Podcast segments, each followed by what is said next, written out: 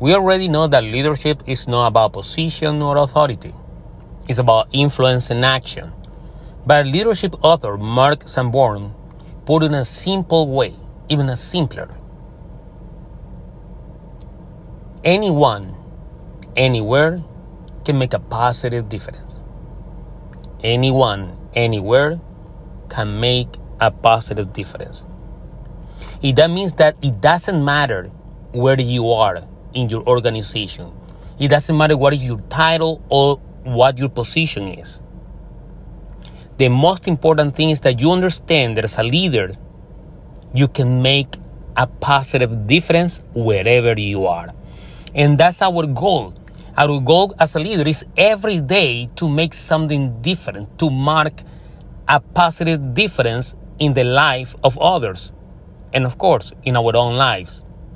So, how can we get that?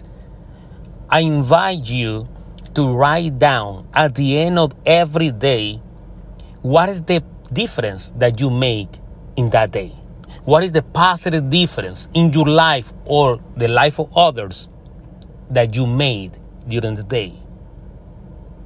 This exercise will help you to understand that wherever you are, you're making a difference. Every day, you're making a difference. A difference that can put you closer to your goal, to the life you want to live, and where you want to be.